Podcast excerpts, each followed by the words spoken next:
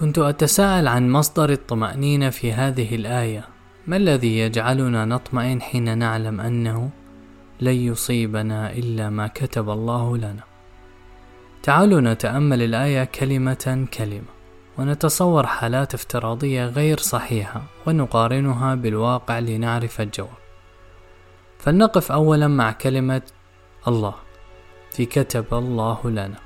تصور أنك مأسور وتنتظر حكما من قاض من قضاة الأرض في جلسة ستعقد في موعد قريب محدد. وهذا الحكم هو أنك إما أن تبقى تحت تصرف الله تعالى أو تنتقل منه إلى تصرف البشر. إما أن تبقى تحت تصرف الله بصفاته من حكمة ورحمة وعدل ولطف ورأفة وحلم. وإما أن تنتقل إلى تصرف من لا يشارك الله تعالى في صفاته هذا. حينئذ من حقك أن تقلق وتخاف بالفعل.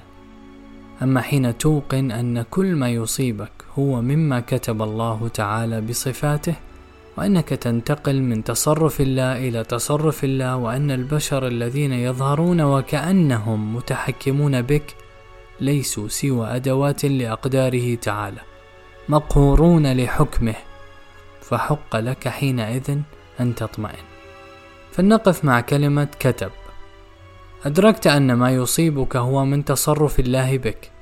لكن تصور أن هذا التصرف ليس بقدر سابق. تصور لو أن الملائكة ينزلون كل يوم بمجموعة من المصائب فيرشونها على أهل الأرض فتصيب من تصيب. ومجموعة من النعم كذلك حينئذ من حقك أن تقلق وتخاف بالفعل. لكن حين توقن أن الله تعالى كتب مقادير كل شيء قبل أن يخلق السماوات والأرض بخمسين ألف سنة كما في الحديث الصحيح عالما بما سينتج عنه. لا إن تصرفاته بخلقه عز وجل هي ردود أفعال على أحداث خفيت عليه من قبله تعالى سبحانه وأنه كتبها بحكمة ورحمة فحق لك حينئذ أن تطمئن. ثم لنقف مع كلمة لنا.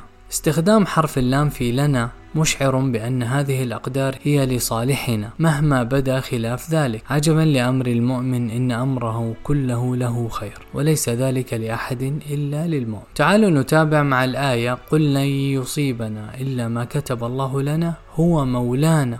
هو مولانا والمولى لا يسلم وليه لأعدائه والمولى لا يرضى لوليه الذل والهوان. كما في قنوت النبي صلى الله عليه وسلم إنه لا يذل من واليه تتمت الآية وعلى الله فليتوكل المؤمنون إن آمنا بكل ما سبق فحق لنا أن نتوكل على الله أي نفوض له تدبير أمورنا بطمأنينة وبيقين. والله تعالى أعلم.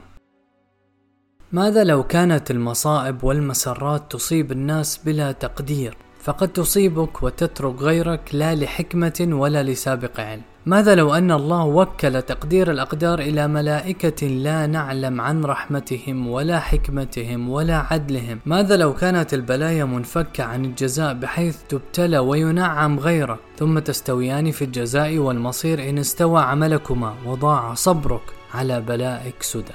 أسئلة غريبة أليس كذلك؟ لكني وجدت فيها إجابة لسؤال قديم لطالما كنت أتساءله في نفسي. ما المعنى في أن يصبر الله عز وجل أصحاب المصائب بأن مصائبهم هذه مقدرة من قديم؟ كقوله تعالى ما أصاب من مصيبة في الأرض ولا في أنفسكم إلا في كتاب من قبل أن نبرأها. إن ذلك على الله يسير. لكي لا تأسوا على ما فاتكم ولا تفرحوا بما آتاكم والله لا يحب كل مختال فخور. إذا فهذه المصائب ليست عشوائية بل مقدرة قبل ظهورها فلا داعي للأسى والله لم يوكل أحدا لا نعلم عنه شيئا ليقدرها بل ما أصاب من مصيبة إلا بإذن الله الله الذي نعلم أنه عليم يجعل في المحن منحا من حيث لا ندري وعسى أن تكرهوا شيئا وهو خير لكم. ونعلم عنه أنه الله لطيف بعباده فيقدر ما يقدره علينا بلطف. ونعلم عنه أنه حكيم كما قال يوسف عليه السلام بعدما رأى فتوحات ربه عليه في البلاء إن ربي لطيف لما يشاء إنه هو العليم الحكيم. ونعلم عن عدله وفضله إذ كما قال يوسف عليه السلام أيضا إنه من يتقي ويصبر. فإن الله لا يضيع أجر المحسنين. إذا فعندما نسمع الآيات التي تتكلم عن القدر والأحاديث مثل واعلم أن ما أصابك لم يكن ليخطئك وما أخطأك لم يكن ليصيبك فلنعلم أنها تذكرنا بحقيقة أن هذه الأقدار إنما قدرها الله الذي نعلم عن علمه وحكمته ولطفه ورحمته وعدله فلنسلم له أنفسنا بطمأنينة.